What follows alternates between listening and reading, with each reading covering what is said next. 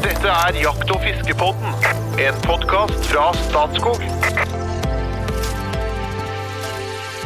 I dag skal vi gjøre noe av det vi liker aller, aller best, nemlig å snakke om spørsmål og innspill som har kommet fra lytterne der ute. Vi har jo, som dere vet, millioner på millioner av lyttere i inn- og utland, og vi er veldig glad for alle tilbakemeldingene som vi får. Enten det er rating på Apple Podcast, det får vi en del av, det er veldig, veldig stas. Eh, Mange hashtagger oss på Instagram, deler innlegg og episoder på Facebook. Og en del kommer faktisk med, med e-poster og innspill på den måten. Vi har fortsatt ikke fått et brev. Det, det blir også stas første gangen vi får. Men vi har med altså Når eksperter skal svare på spørsmål, så er det i all beskjedenhet ikke meg sjøl jeg tenker på. Jeg er jo en enkeltsjel som har hatt en relativt beskytta oppvekst på, på en plass som heter Spillum, litt utafor Namsos sentrum. Og det nærmeste jeg kom jakt, eh, var nok da jeg skjøt på sånne glasstallerkener på høyspentmasten med sprettert og klinkekuler. og en annen gang så sørga jeg for at naboen min, han Einar, han fikk et opphold på øyeavdelingen med et sånn velretta skudd med sånn spyttrør med rognebær. Jeg vet ikke om dere har vært borti det. Oh, jo. Men eh, ja, bæ bærekraftig i den forstand at det var et or organisk våpen. Så jeg var forut for min tid. Men når vi snakker om ekspert, så faller tankene mer naturlig til informasjonssjef i, Nor i Norges Jeger og Fisk, en mann som heller kasta stein på den amerikanske ambassaden i stedet for høyspenten. Jegeren, og kanskje spesielt fiskeren, kunstnersjel og gitarist fra Asker, Espen Farstad. Hei, hei. Er vakkert. Ja, det er jo fint. Og apropos ekspert, mann fra Innlandet som har navn på alle rådyrbukkskallene som han har kokt rein og hengt opp på veggen, og delvis har han ei eske fordi at det er så mange, og han får ikke lov av kona si å henge opp alle på veggen. Og Jeg har hørt noen av historiene om da han felte bukkene, og kanskje den, kanskje den eneste gangen faktisk at jeg har sett den hardbarka jegeren en smule rørt. Det var når han snakka om dere bukkene sine. Vi snakker selvfølgelig om vår egen bukkedoktor og rypedoktor, superjeger Jo Inge Bresjeberget. Hjertelig velkommen. Ja, det var det altså. Takk, takk. Jeg er også spent på dagens lytterspørsmål. da. Ja. ja. Alltid spent på det. På en skala fra én til ti, hvis du rangerer hvor artig episodene er å holde på med, hvor, hvor kommer denne typen episoder? Den er høyt oppe. Veldig, veldig høyt. Ja. Ja, det er, det er det morsomste, egentlig. er det der hvor vi, hvor vi blir eh, De blir på utfordret, direkten og så- svare ut. Ja, jeg liker det! Liker det godt. Ja, så det, det, det er høy åtter i hvert fall. Det er helt, Ja. helt der oppe. Mm. Men jeg har, eh, jeg har en god del sånne vitenskapelige spørsmål til deg. Det har kommet inn ganske mye om eh, For det har kommet ganske ny forskning på rypeforvaltning fra Ukraina, så det håper jeg at du kan gå inn på Jo Inge underveis her nå. Okay, på sparket. Har flere, flere lyttere. På sparket. Du, du, du er litt Det er veldig artig, men det er ganske spennende. Men det er veldig spennende å få det, for dere, eh, dere lyttere dere må være fullstendig klar over at spørsmålene her er det, er det bare jeg som har fått. Det er jeg som har sittet på de spørsmålene, og de kommer plutselig under sending. Så det er ikke noe som eh, karene her eh, har anledning til å, å forberede. Det betyr at vi noen gang må kunne si at vi ikke får til å svare på spørsmålet, at vi må komme tilbake til det. Men ellers så er det veldig artig og veldig inspirerende å høre på spontane svar. Skal vi rett og slett gå i gang? Ja. Ja, kjør i vei. Det er, har kommet et spørsmål fra en navnebror. Er det dumt å ha med stående fuglehund på toppjakt eller kombijakt? Vil det lage krøll hvis det er behov for å snike seg inn på fuglen? Jeg føler at uh, kanskje Jo Inge er mest naturlig. Eh, ja, Start. eh, jeg har prøvd det òg, selvfølgelig. Eh, så her skal jeg si til det, da. Den har ikke vært til noe spesiell hjelp. Eh, det må i så fall være til å finne igjen fugl, da. Eh, hvis du har skutt på en uh, hane, en voksen hane, i tepp, og den eh, drar Det skjer jo at de får luft under venga og drar, da kan de dra ganske langt. og Da bruker, kan de bruke mye tid på å leite. Da vil en hund være til kjempehjelp med å finne han igjen. Uh, Så, så det kan ha sin misjon, men ellers er den stort sett i veien, for at det blir én ting til for uh, fuglen å oppdage. Jeg har ikke opplevd at det har gjort at det har vært en fordel for meg, i hvert fall. Og så har jeg jo opplevd at eh, når du skuter da eh, det var før lyddemperen sin tid, og du skuter da med refle, en ganske høy smell, og hunden ikke er, er i, den er ikke i modus. Den, den bare, du har lagt igjen hund, ikke sant, og sniker deg fram og skuter. Da er det en veldig høy smell for hund. Eh, og jeg opplevde at hun eh, ikke har blitt daudhørt, men i hvert fall hørt dårligere etterpå. Så det kan ikke anbefales. Men i dag har vi lyddempere, da, så det er liksom litt alles smell i dag. Espen, du har vært på toppjakt. Så, har du, så mener du at du har skutt en fugl. Ja. Har det hendt har det hendt at du ikke har funnet den igjen? Ja, det har faktisk hendt. Eh, Jeg skjøt en tiur eh, eh, Det er ikke lenger siden enn i fjor. Jeg skjøt en tiur på topp inne i Jo Inge-land, altså inne i Hedmark, og, og, og jeg, jeg så at fuglen stupte, men så fikk den luft under vinga, og så dro den av gårde. Eh, og så ble den borte for meg, sånn da forsvant den bak noen trær eller åssen det var. Jeg var jo helt sikker på at jeg skulle finne den, eh, for jeg så jo at jeg traff. Eh, og jeg gikk eh, etter. Det var helt ubrutt hvit snøflate, eh, og jeg prøvde å følge retningen. Jeg fant til og med noe fjær eh, og sånn. Altså, det lå mye fjær under, så jeg hadde jo truffet, og så var det noe enkeltfjær på veien, men jeg fant aldri den fuglen. Eh, og det er veldig trist. Jeg brukte jo resten av dagen uh, Det var korte dager, da, selvfølgelig, men jeg brukte jo resten av dagen på å gå der og lete etter den fuglen. ikke sant? Etter et høl i snøen, bare, hvor han hadde stupt nedi. Jeg hadde jo retningen sånn cirka, men jeg fant den dessverre aldri. Og det er klart, da kunne jeg tenkt meg en hund. Helt opplagt. Så jeg tenker litt dere når, Hvis du først har hund, da Disse hundene er jo med oss hele året, så, så er jo derfor jeg har hatt med meg mine. At eh, de, de må jo få være med, ikke sant? så kan du lufte dem litt, og de får trimme litt. De vil mye heller det enn å ligge, ligge inne og ikke få brukt seg. Så, så jeg tenker hvis du først har hund, så kan han med, men det er en fordel å ha en dressert hund, så du kan ha han med deg og gå, gå fot, eller at han går i bånd, eller at han er med deg, da. For det, det er jo ikke noe hjelp i at han driver og søker å vime rundt, i hvert fall. Det hjelper ingenting. Men, men da, de gangene du trenger den for å finne at påskutt fugl, så er det gull verdt, altså. For det er grisevanskelig når de her først får luft under venga, og så seiler til det de stuper. Det kan bare være et hæl ned i bakken, og du skal treffe akkurat det hælet. Kanskje 200-300 meter unna. Så ja, så det, det er litt ambivalent, da, men ja. Det, jeg ville tatt med hund hvis jeg hadde den, men det, det gir deg ikke nødvendigvis noen fordel på toppjakta. Mm. Nei. Men først og fremst uh, for å finne, finne en påskutt fugl. Mm. Ja. Hvis jeg forstår det. Mm. En som heter Erik, han, eh, han syns at det er veldig stas at uh, Jakt- og fiskebåten eh, gir den en god start på helga. Det er veldig alltid en fin innledning. Eh, men så lurer jeg på litt, dere to, hvilken skrytehistorie drar dere frem rundt bålet når, det, når dere sitter i lag med andre jegere? Skrytehistorie, det faller jo ikke for oss. Jeg skjønner at dette er litt sånn vanskelig, da. Skjønte ikke spørsmålet. Ja, nei, det var, det var vanskelig. Det vil jo for min del, hvis, hvis det er sånn at vi skal sitte og liksom være litt fornøyd med oss sjøl, da, og, og fortelle noen historier om noe som, jakt som har gått bra, så er det Vi ender på tiur, vet du. Kommer jo ikke unna det. Det blir sånne tiurhistorier. Altså, det er liksom ikke eh, Nei, ja, det er nok det, altså. Det er nok tiurhistorier som, eh, som kommer fram da. Jeg prøver ikke å sitte og skryte så mye, da. Jeg, har, jeg kan ta to, to historier. Jeg har, jeg akkurat lest en bok som heter Utrolig, men sant, om dokumenterte hendelser. Der var det en i kolonitida, da, en eh, brite som, som skjøt en elefant med tilsvarende vårt 6,5. En ganske spett kaliber. Skjøt en voksen hannelefant. Dette var elfenbenjakt. Han drev og regulerte, da, i gåsetegn, eh, elefantstammer.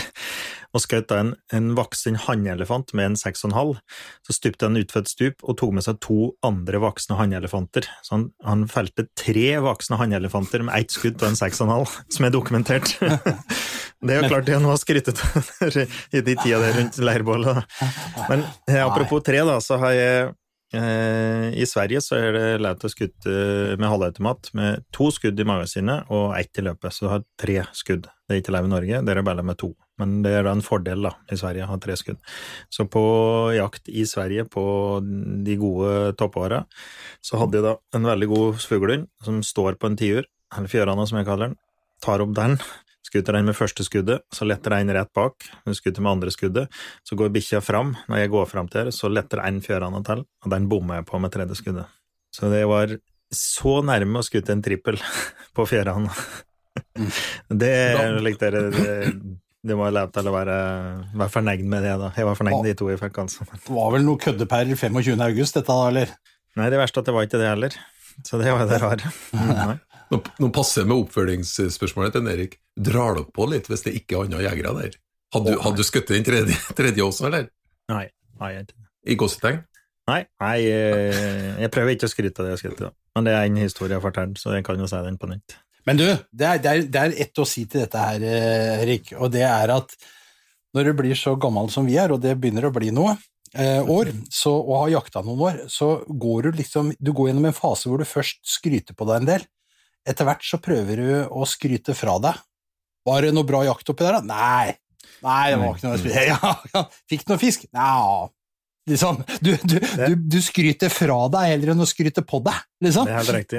Ja. det er slik der, var det bra med fugl i år? Nei, det var slik helt greit, liksom.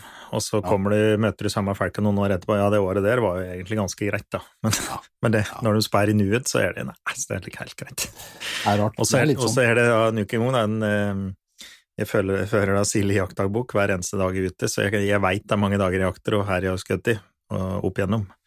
Og da er det jo greit, da, da kan jeg måtte dokumentere det, da. Så jeg, treng, jeg trenger ikke vise aldri for noen, men jeg veit det jeg har gjort sjøl, og det, det er viktig for meg, da. Nei, men da, kjære lytter, da har vi etablert at eh, Espen og Inge aldri skryter på seg noen ting. De, de er veldig stille og beskjeden, og ser gjerne tar ned sine egne resultater. Hever heller eh, folk rundt. Ja, korrekt. Da,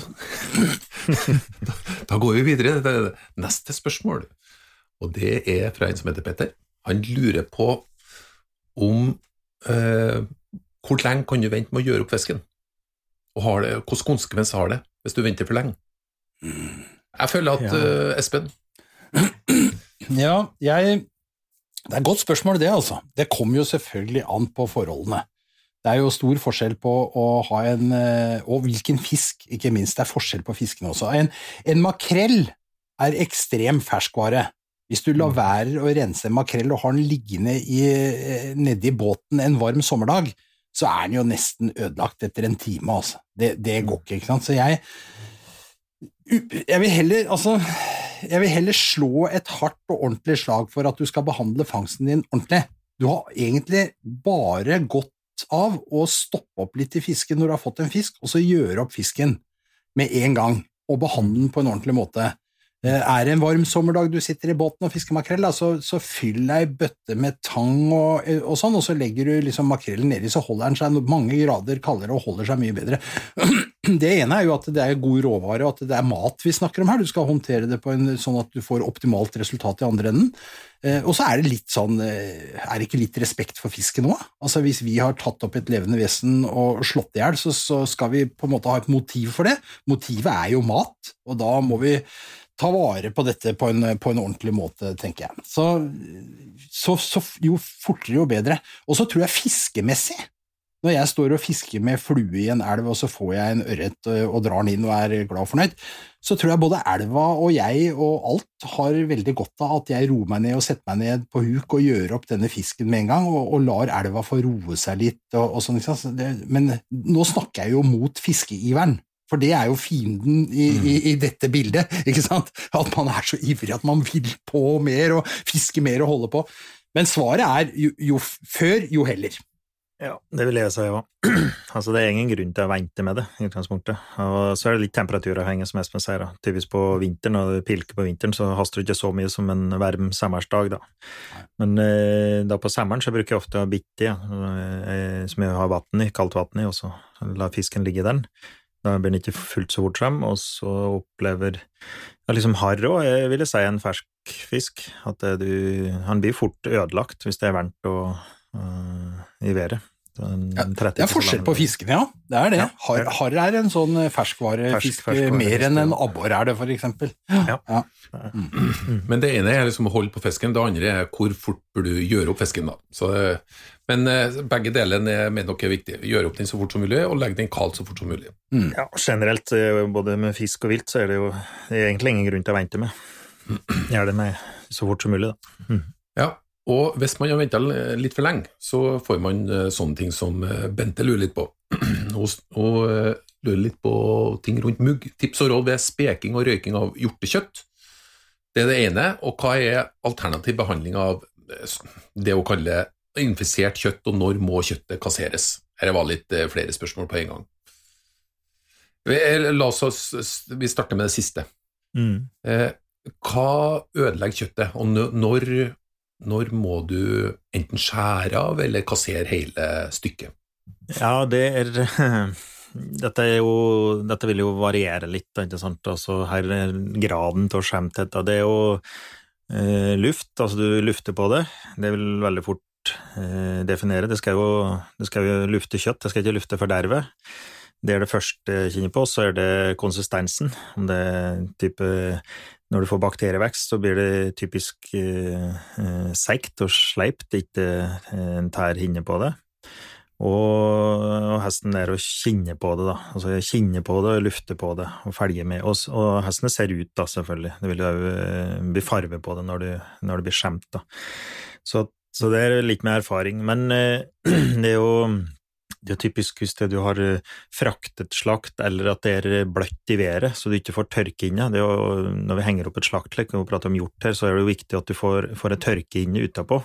Da, jo, da, da unngår du mye av den bakterieveksten. Er det bløtt i været, så at slaktet er bløtt, eksempel får regn på det, og du ikke får tørke inne, så gror bakterien veldig mye bedre. Da. Litt varme og, og fuktighet, så gror de mye bedre enn om det er tært og, og luftig.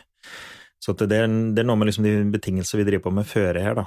Eh, Samtidig så har jeg vært med på Jeg skjøt noen hjorter i Danmark som jeg hadde med meg en gang hjem igjen, og, og da ble de De ble litt eh, jeg skal si at de, eh, de ble litt blaute, nærmest, da, når de lå i, klemt mot hverandre. For jeg rakk ikke å få en størkinje før jeg tok med meg hjem igjen. De var litt lik, eh, nærmest seige litt da når jeg hengte dem opp. Fikk den en tørke og da ble de Da begynner å lufte på utsiden, ikke sant? du fikk bakterievekst på utsiden av det.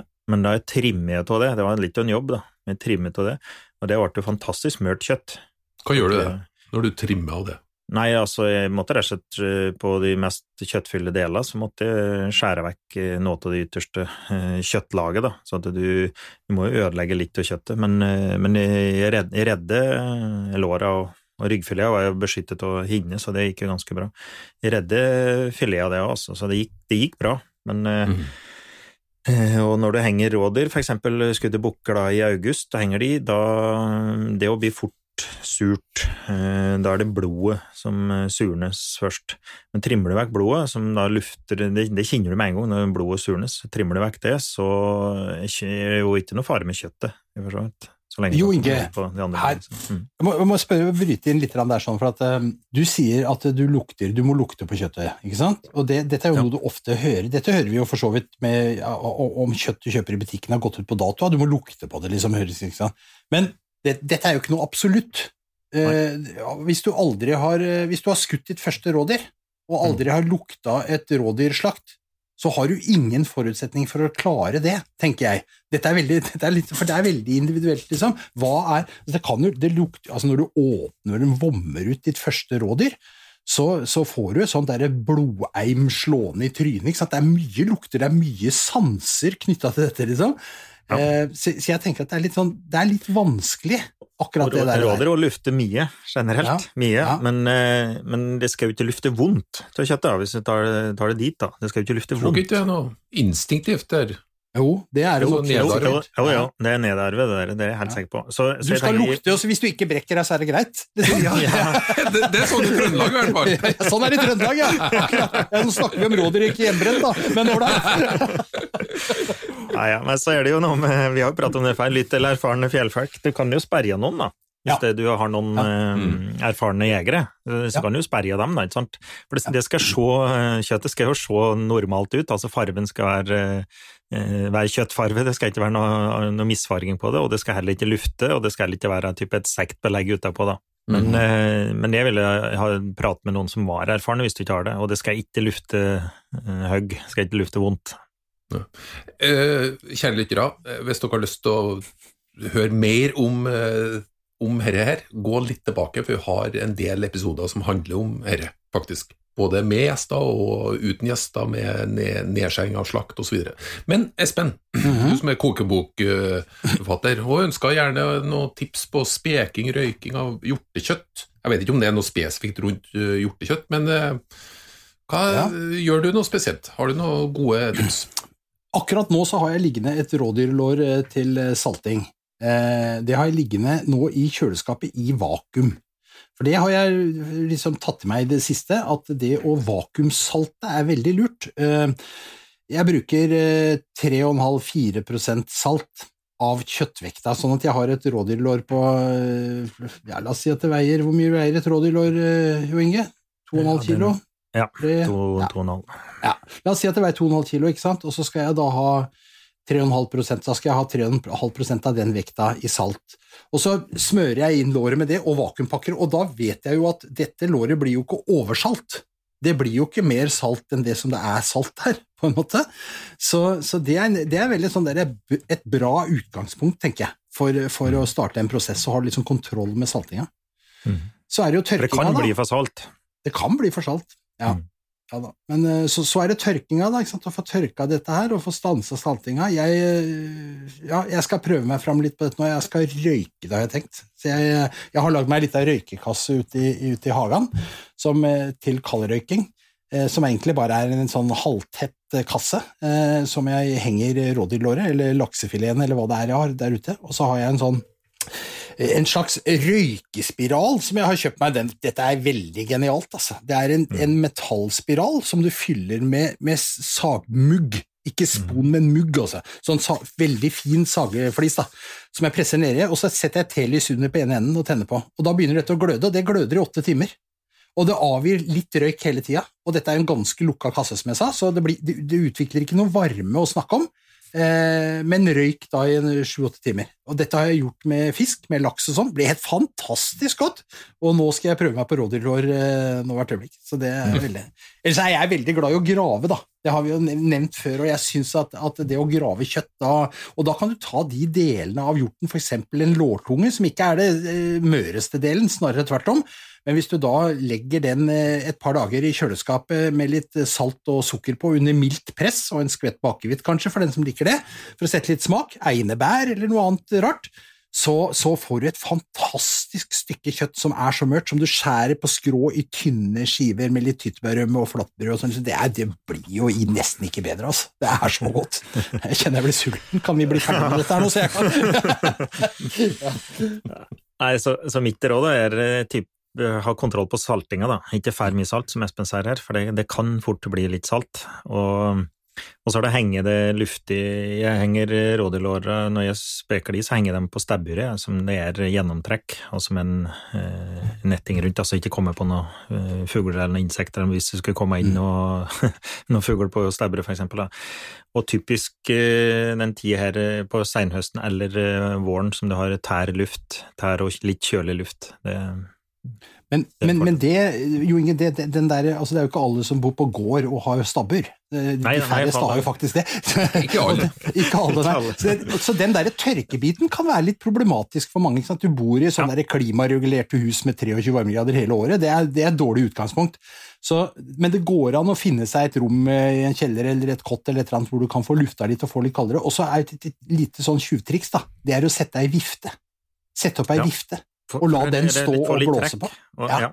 Det, trekk, det hjelper, altså. Jeg har sett de som har laga et lite nettingbur oppunder takskjegget på huset. Altså man hengte der da på rette temperaturforholdet, når, du, liksom, når du får så vidt det er plussgrader på våren, eksempel, og litt trekk. Ja. Nei, nei, det er jo det i- ikke alle som har stabber, selvfølgelig. Jo Inge har jo en fem-seks frysere, men han har også et ganske stort sånt kjølerom. Ikke bare det kjøleskap, vi snakker ikke om det, vi har kjølerom. Ja. Og innenpå kjølerommet, da jeg var der sist, så hang det et rådyr der. Eh, når flytter jeg fra stabburet og inn i kjølerommet? Nei, det er hvis jeg ikke har kontroll på temperaturen på stabburet, at det typisk at det blir kaldegrader. Da Ja. ja. bruker kjølerommet. Så Altså, eh, stabburet er eh, stort sett eh, fint egnet så lenge du ligger over null, da, og ikke er for varmt og ikke for kaldt. Så er stabburet fryktelig godt egnet til å henge vilt i. Eh, Nå skal jeg bygge meg et større kjølerom, da, så at jeg slipper det problemet. For eh, kjølerommene blir ofte litt for små. Du får ikke bytte ut ny luft, og så blir de litt for små, så tørker eh, liksom, eh, ja, legget av det tørker litt ut, og, eh, og det kan, på sommeren så kan det bli muggdannelse. Så at, eh, du må ha nok luft i de kjølerommet. Det er fint på stabburet. Men, men det som er morsomt med spørsmålet til Bente, da, det er jo liksom hvordan man altså Dette er jo konser gamle konserveringsmidler, ikke sant, som vi, som vi bruker, og som vi egentlig ikke trenger, for å være helt ærlig. For nå kan du bare putte det i fryseren eller gjøre et eller annet, så har du egentlig løst det der konserveringsproblemet. Men, men det er jo den smaken og den modninga og den fermenteringa, alt det som du får ut av dette. Så, så det er en helt fantastisk verden når du begynner med dette, og du begynner å grave og røyke og speke, og du smaker og du gleder deg, det henger seg, så er det nesten så ille, Jo Inga, at jeg kommer til å bygge meg et stabbur bare for dette, skal jeg si deg. Så, så moro og fint er dette her. Jeg skal bygge meg reikehus, så jeg kan få røyke ordentlig. og det, og det, det går an å bruke kjølerommet. Jeg, jeg henger, eh, henger elghjertene mine, eksempel, de henger i kjølerommet, og det funker helt fint. Og så salter de, lett salter de, og så henger de eh, til tørk i kjølerommet. Det funker som fjell, faktisk. Mm. Du, spørsmål fra Harald. Blir eh, dere som hundefører, det, det vil si eh, Jo Inge egentlig da, Ja. for du går stort sett uten hund, eh, Espen. Ja. Eh, blir du som hundefører stående, eller følger du etter hunden når den loser på rådyrjakt? Ja, det var et bra spørsmål. Vi kunne nesten ha pratet en hel episode om det, tror jeg. Men Ja, det, og det, her skal jeg, jeg er ikke hundemann, men jeg skal også ha noe å si om dette, nemlig. Men kom igjen du, Joni. Ja. Ja, eh, nå jakter, nå jakter vi ofte ikke med store lag, da, så det er typisk jeg og Håkon, en kompis av meg. Og da slipper hunden, ja, og så tar hun ut, og da er det ofte at en står igjen i nærheten til uttaket. Det er som regel en kjempepost. Hvis hunden henger på, så råder det turer, så har de en tendens til å komme tilbake til der du starter, da. Tilbake til start. En eller annen gang så kommer de tilbake dit. Så det vil alltid være en bra post. Men eh, nå er vi bare to stykker da, og har radiokontakt og er veldig godt kjent i terrenget, så hvis, hvis rådet er litt stekt av hundeføreren, så det drar ut litt før det begynner å ture, så fletter vi oss. Og da, da har vi jo kontakt om hvor vi er, så jeg vet alltid hvor han er, og han vet hvor jeg er. da. Så, så da, da fletter jeg meg. Hvis det er stekt så jeg drar ut litt, så, så fletter jeg meg og finner en post litt lenger inn i terrenget. da. Men eh, ellers så er det typisk at jeg som hundefører, når det tar ut, så står jeg noen steder i nærheten til uttaket. Ja. Mhm. Vær så god, Espen. Mm. Ja, nei, altså jeg, jeg, jeg jakter jo i eh, lag. Vi er en fem-seks mann som jakter rådyr sammen. Og, og flink eh, hundemann på laget vårt. Jeg, men så noen ganger så har vi jo inn gjestejegere som har med hunder og sånn, liksom, og da, jeg, da ser jeg at det er litt forskjell på hvordan folk oppfører seg som hundeførere. For det første så syns jeg som prinsipp at man skal eh, lære bikkja at den skal søke på egen hånd. Eh, Man må ikke, skal ikke måtte gå rundt og leie den i terrenget, det er jo noen som er helt der. Altså, når du får valp, så tror jeg du skal sette deg ned med en god bok i skauen og la, la bikkja bli trygg på at den kan løpe rundt og komme tilbake osv., og, og, og lære seg dette sånn, så han søker godt på egen hånd. Og Ja, så, for det, det er mange som ødelegger søka. Du går søka i stykker, da. Så at Ja. folk eh, har gjort det med valper. Han går med valpen, og så er valpen vant til å finne råder i nærheten av far. Da har du ødelagt søket. Men det er en Oi. hel egen episode. Og rent generelt så er det sånn at når man jakter på et lag, så er, dette er jo, det er jo, ligger jo i navnet, det er jo et lagsjakt, det er på en måte et samarbeid. Da skal, bør jo folk mest mulig sitte i ro.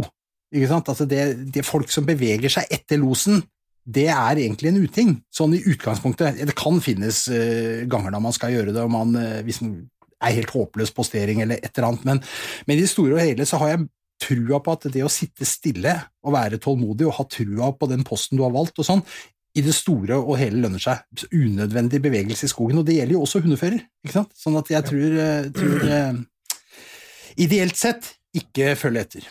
Nei, det er litt begge deler her, da, skjønner du. Og, og rådere er ganske, ganske flinke til å komme på type faste poster og faste veksler, så det, du finner ganske kjapt dere gode poster når du jakter mye rådyr med hund. Så at, det da er det ikke noen grunn til å drive og vase for mye rundt. Det, stort sett så stacker du mer enn det, du, eh, enn det, det hjelper deg, da. Mm. Og jeg er jo med, som Espen sier, og jakter med fremmede folk eh, som, som er ramme på å gå i terrenget, og det er en sikkerhetsrisiko. Mm, I tillegg, ja. ja, det er jeg med på, og så plutselig har du folk fremme deg som du ikke visste at var der. Og det, det fikser ikke, altså. Det er jo Der kommer teknologien til hjelp, eh, Jo Inge. Nå, nå har vi en medlemsfordel i Jeger og Fisk som heter WeHunt. Ja, Ja, jo, men, det, men det er faktisk veldig smart. Altså, jo, men Vi har tatt i bruk dette på vårt lag, og også når jeg er og jakter hos andre, så ser jeg folk bruke det. Det er kjempebra. da. Du får presis plassering på posten, du vet eksakt hvor de andre jegerne er. Eh, så det er, det er rett og slett et sikkerhetsmessig hjelpemiddel, som jeg syns er veldig bra. Til og med jeg hørte at dette var en egen episode, Jo Inge. Ja. Vi kan prate lenge om det her, faktisk. Men eh, Linda skal gjøre det litt vanskelig for dere nå. For dere, nå, nå, Hun har bedt dere om å velge én av tingene. Det er ikke mulig å velge begge to. Og velge relativt kjapt. Eh, Espen, du kan velge først. Mm. Enten fluefiske etter sjøørret eller duejakt. Ah, Jeg tror jeg detter ned på duejakt. Det syns jeg er så fantastisk moro. Jeg så en duejaktfilm som vi har lagd her om dagen, og jeg, blir, jeg kjenner at dette skal jeg drive mer med. Når jeg blir eldre, så skal jeg bli en duejeger. Ja. Mm. I større grad enn det jeg er i dag. Faktisk overraska. Mm. Ja. Eh, Så har det kommet et uh, dilemma her til en uh, Jo Inge. Skulle ikke jeg få svare på den? Nei, nei, du, for du har fått et eget et. Å ja, ja, ja. Ja. Rådyrjakt eller skogsfugljakt? Ha, skal jeg velge det? Ja. Nei, seriøst? ja, det er det som er oppdraget. Lytterne er våre sjefer, vet du, Jo Inge. Se dem. Ja. Lytterne ser jo ikke dette, men vi ser jo Jon Inge nå. Altså det, ansiktet vrir seg i grimaser. Han ser opp og rundt, og, og han vet ikke helt hvordan han skal gjøre det. Nå legger han hodet i hendene, ja, tørker svetten, stikker seg bak. Er det kona han ser etter? Hva er det? Nei, Ja, ja, nei, men kjempebra. Da går vi videre. Det var egentlig et veldig godt svar. Vi går over til Morten Wee, Dette blir litt lettere. sjø. Eh, Han å kjøpe rifle. Han har to kriterier i prioritert rekkefølge. Én, rifla skal brukes til skyteopplæring av egne barn, seks og ti år. To, rifla må ha størst mulig bruksområde til jakt uten å være uegnet til barn. Så forteller han litt at da han var åtte-ni år, så var han med et skytterlag med en eh, 22 long rifle, men tenkte at det kanskje kunne være mulig å bruke noe større. Han har ikke noen konkrete planer for jakt, men ønsker et våpen som eh, han kan bruke til noe i framtida. Og så står det min huskvern av 16-åringer skremmer selv den mest motiverte ut av jegerlivet. Mm. Eh, jeg, vil- jeg, vil ha, jeg vil ha startet med salongrefle. Ja. ja. Helt enkelt. For jeg, hvis du skal trene og ikke skremme livskiten til unga, og de skal lære seg å skute Alle skuter bærer med lite rekyl, og i salongrifle er jo nesten gratis patroner. Og tilgjengelig overalt, hele verden. Det er verdens mest anvendelig, eller mest brukte kaliber. Så jeg ville starte med ei salongrifle, og da du kan jo jakte alt opp til her av størrelse, så, så du kan skyte kråker, for eksempel, eller sj- sjøer, eller nøtteskrik, eller ekorn, eller måtte være, og, så du kan jakte med henne, og ryper, da, ikke minst, kan du gjøre. Så nei, så jeg vil ha starte med sangrefle. Det er et kjempekaliber, og veldig fint å lære unger å skute med. Og så vil jeg heller ha, hvis du finner ut at det er jegerkarrieren du skal inn på, så gått over da til så eksempel en 6,5 eller et eller annet etterpå. Mm. Men jeg, jeg, er- det er jo et logisk svar eh, fra Jorge, men, men, eh, men han spør jo faktisk om han da vil jo ha et som har sto, ganske stort bruksanvendelse på jakt etterpå. Kunne det vært et alternativ, Jo Inge, å kjøpt en 222 med lyddemper? Da er det jo ikke noe rekyl å snakke om. Ja, Det kan være, men eh, da er det jo nok en gang eh, Ja, iallfall for det tenkte jeg, det var neste, neste innspillet, at du går opp et hakk, da. 17 Mm. HMR eller 223 eller 2, 22, et eller annet som er litt kraftigere enn en sangre, for da vil du jo kunne jakte helt opp til rådyr, da, sant? men 223 for eksempel. Eh, Mm. eh, Det er jo ikke ideelt, men jeg tenker at bruksområdet det er, som treningsvåpen, og for å trene og komme i gang, så vil jeg heller starte med en 22 og så kanskje bitte litt grøvere. Men et bra alternativ er jo da, som Espen ser, den type den 222 eller et eller annet. da. Mhm. Jeg har ikke noe mening utover at jeg syns det var et klokt svar fra eh, dr. Bresjeberget. Salong mest, eh, gir mest motivasjon. Skaper et godt grunnlag for et langt jegerliv. Mm. Og så kan du bruke den til trening etterpå, da, som det unge da velger å gå Mm. videre på jegerkarrieren, eller du sjøl, så har du treningsvåpen. Og får mengdetrening med salongrefle. det, det burde alle jegere, alle reflejegere burde ha i salongrefle og mengdetrene med. Og så skutter du med grovt på, på bane, eksempel, hvis du har mulighet til å trene hjemme, eller altså, få mengdetrening med salgrefle. Det er kjempetrening, altså. Det gjorde vi da vi vi drev med konkurranseskuting, så vi trente jo nesten mest med salong, og så skjøt vi med skert på, på banen, liksom. Mm. Vi holder på å nærme oss slutten, faktisk. Det er fryktelig mange spørsmål, her, men eh, ja, det, det er ganske snart. Det vi går ned for landing, så tar vi heller nye lytterepisoder på et senere tidspunkt. Vi henter inn spørsmål spesielt via Facebook, Eh, så det er veldig effektivt å følge Facebook-sida. Der er det òg en del T-skjortekonkurranser. Man kan legge inn en kommentar med et spørsmål, eller sende en melding med et spørsmål. Det er også mulig å sende eh, til, på e-post til jakt- og fiskepodden at statskog.no. Så sparer vi opp, og så plukker vi ut en god del spørsmål. Men en som heter Truls, han øh, jakter med hund. Eh, og det er fuglejakt. Når han er på, i natur eh, og handler jaktkort, så eh, ser han at det ofte er dagskvoter eller ukeskvoter. Eh, men det han òg ser, det er at prisene er forskjellige. Eh, veldig ofte så finner en høyere pris hvis du skal jakte med hund, enn eh, enn en støkkjeger da trenger å kjøpe. Men dette forstår han ikke, for det er jo en kvote uansett. Hvorfor er det ulike priser på dette? Nå vet ikke jeg Ja. Vær så god. Dette er gammeldags forvaltning, Ja, rett og slett. Helt enig. Det, det, ja, jo, men altså her skal vi gå litt offensivt til verks, fordi eh, dette henger igjen fra gamle dager. Eh, da var det jo slik at du kjøpte et jaktkort eh, for å jakte skogsfugl eller rype, og så kunne du på en måte jakte hele dagen og skyte så mye du klarte. Det var jo liksom prinsippet i gamle dager. Og da var det jo slik at de som jakta med hund, eh, ble ofte regna som mer effektive, hadde tok et større uttak og beslagla et større område, og av den grunn kanskje måtte betale litt mer for det. Det var jo en slags logikk i det, selv om man sikkert kan ettergå den litt også, men det, det var liksom gjengs tankegang. I dag så, så, har vi en mye mer styrt forvaltning eh, med, med, kvoter og bag limits. Eh, og om man jakter med hund eller uten hund i et område hvor du kan skyte tre ryper, eh, så kvalifiserer ikke det til å betale mer for bikkja. Og, og, vi burde jo egentlig, og nå er det en støkkjeger som prater, vi burde jo egentlig se på det å jakte med hund som en fordel. Det er, det er, klart det, ikke sant? Altså den, den, det medfører jo eh, større sjanse for at du får plukka opp de som du eventuelt skadeskytter. Eh, ja. Så Sånn sett så kan du faktisk si at de kanskje belaster eh, bestandene mindre også, hvis du ser for deg at man skadeskyttere ikke finner og likevel går videre og jakter. Så jeg, jeg, jeg er helt enig med innsenderen som jeg hører mellom linjene her, sier at han syns dette er litt urettferdig. Jeg er helt enig, det er en gammeldags forvaltning, burde ikke være sånn. Nei. Jo, jeg er helt enig. Støtter alt Espen 100% på det her. Og jeg tror det henger kanskje enda lenger ut tilbake til sportsjakta, så når det kom eh, overklasse briter hit og brakte hund og hundesporten med seg hit, og så er det litt lik, jeg vet ikke om det var misunnelse eller kanskje altså Den tradisjonelle norske jakta var jo uten hund, ikke sant, fra gammelt av.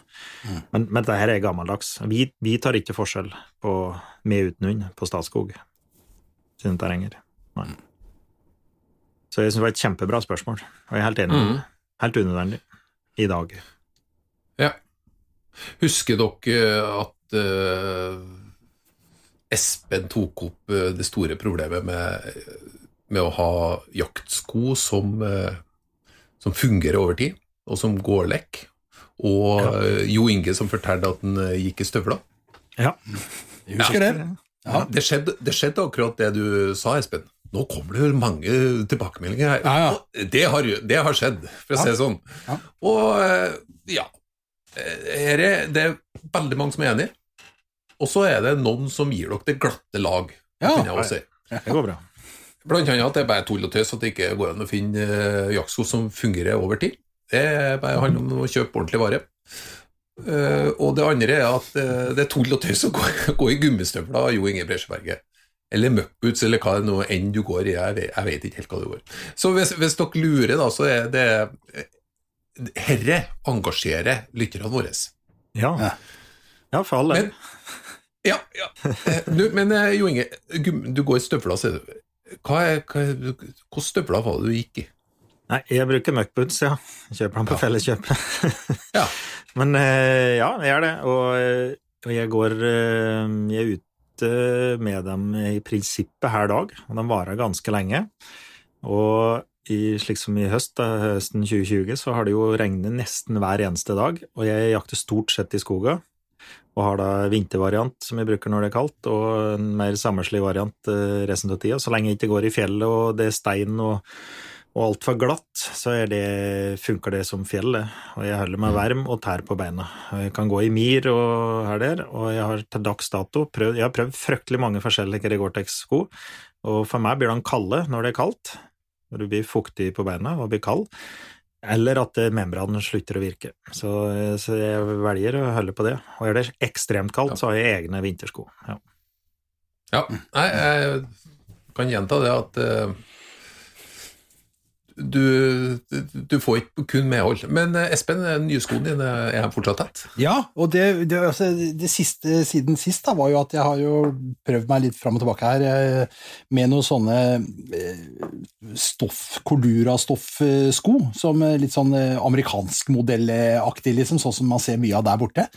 Eh, kjøpte et par eh, som jeg måtte bare returnere og si dette holder ikke, de ble våt på første turen. Jeg fikk et par nye, det samme skjedde. Da måtte jeg ta på meg utestemmen og si at nå får det være nok her.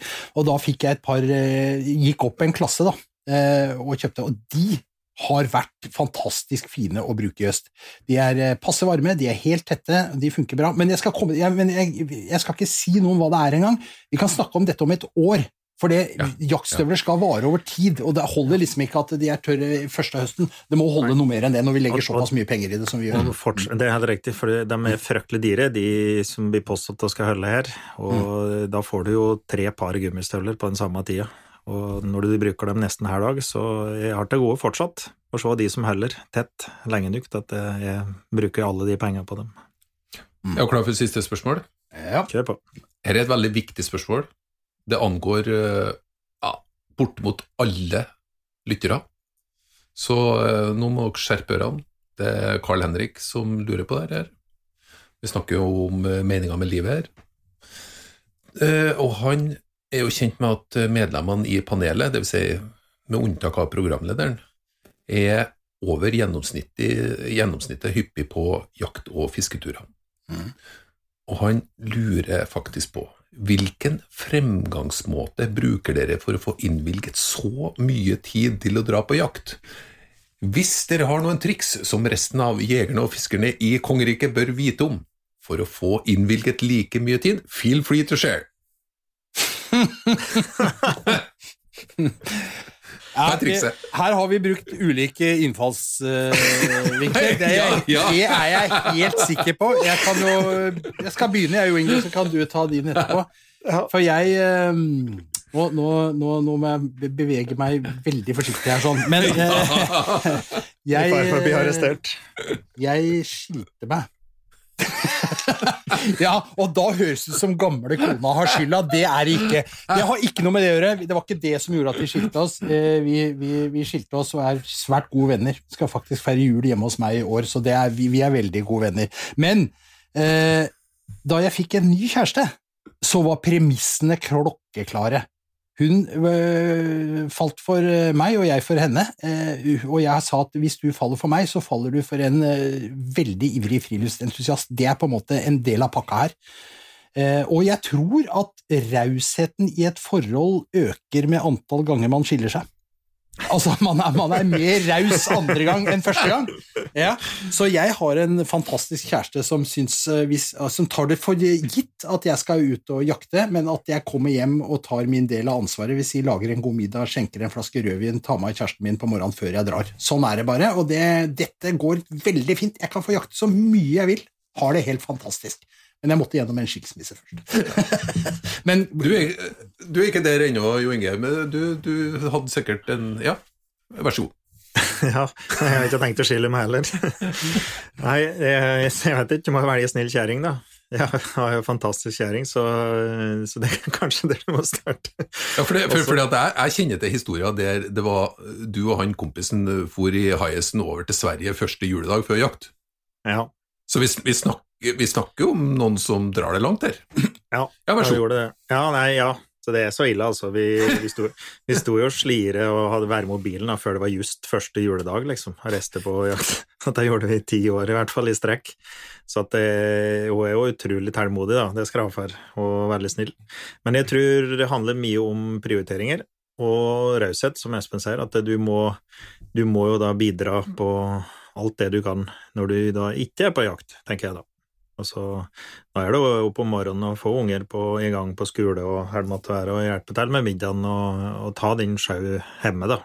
Jeg, ikke, jeg har jo min av å kjøre på fotballkamper og, og FAU-møter og på skole er Alt er det på, med skolearbeid og det, da. Og, men da gjør jeg ikke noe annet. Altså, jeg prioriterer vekk andre ting, da.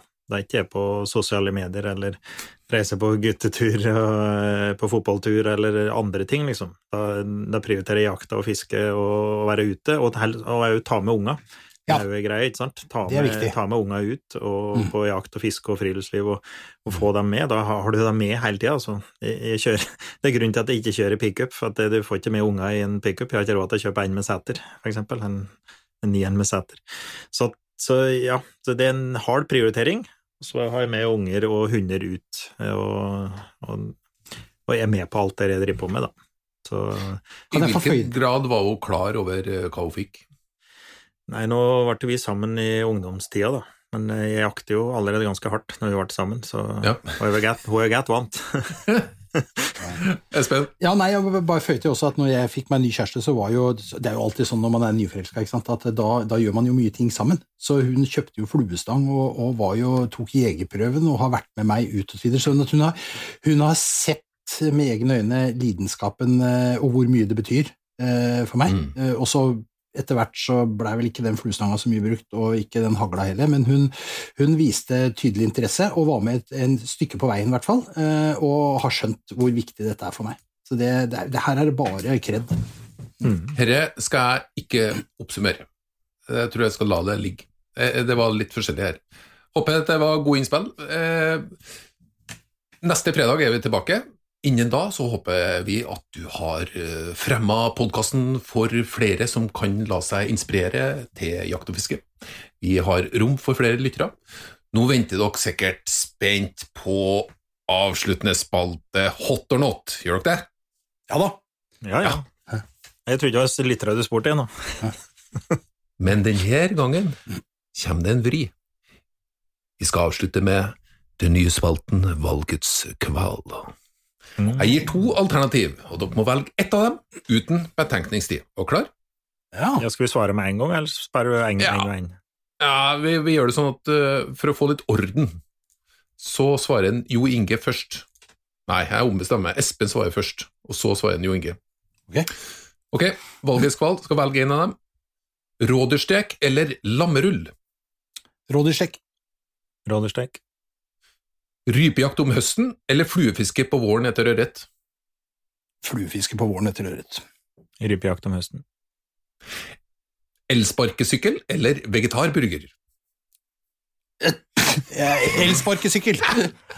Eller, eller sparkesykkel? Har burger. Hare eller myke pakker til jul? Hare. Hare. Avstandsmåler eller kompass? Avstandsmåler. Avstandsmåler. Ok, nei, men kjempebra. Da har vi bare én igjen. Er hun klar? Dette blir vanskelig. Det er det Bjarne eller Gunnar Brøndbo, liksom? Desidert vanskeligste. DDE eller Åge Aleksandersen? Nei, det, blir, det må bli Åge, det. Ja, Åge. Ok, jeg skal Jeg, jeg, jeg angrer meg. Vi skal ta bare én hot or not til slutt. Avslutte med det. DDS låt på albumet Jippi. Nei, han Sneisi fra år 2000. Hot or not? Not. Not. Det var hot på begge to. Hjertelig velkommen neste fredag.